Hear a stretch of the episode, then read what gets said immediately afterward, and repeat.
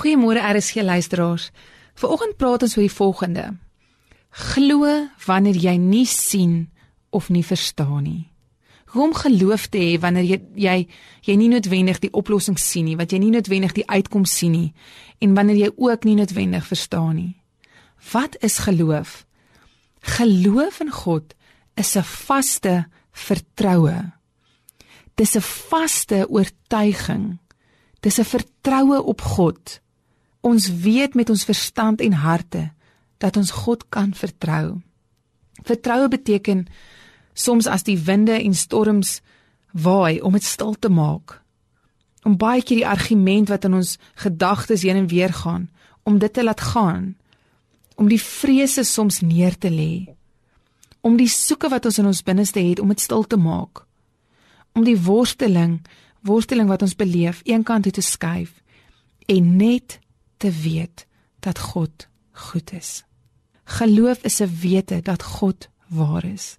Die Heilige Gees plaas daai wete in ons binneste dat God goed is, dat God by jou is, dat God jou versterk.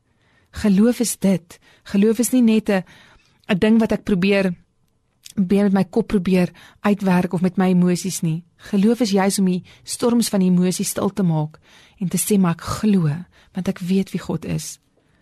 Ek dink Josef se geloof is 'n goeie voorbeeld van hoe hy hierdie droom gehad het van 'n droom van konings wat voor hom buig.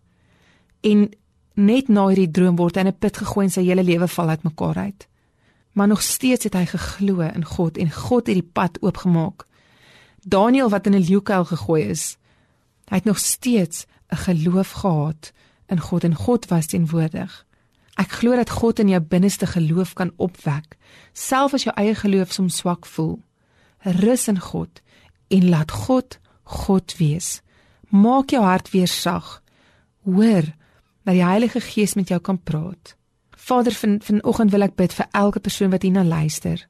En ek wil bid vir self al sien hulle en of hulle verstaan nie noodwendig nie, dat u Gees lewe oor hulle sal bring dat u geloof in hulle harte sal opwek sodat dit wat die omstandighede dalk kommunikeer en sê dat hulle u sal sien dat hulle sal weet dat u is God dat hulle weet dat u hulle nie verlaat nie dat hulle sal weet u is by hulle. In Jesus naam. Amen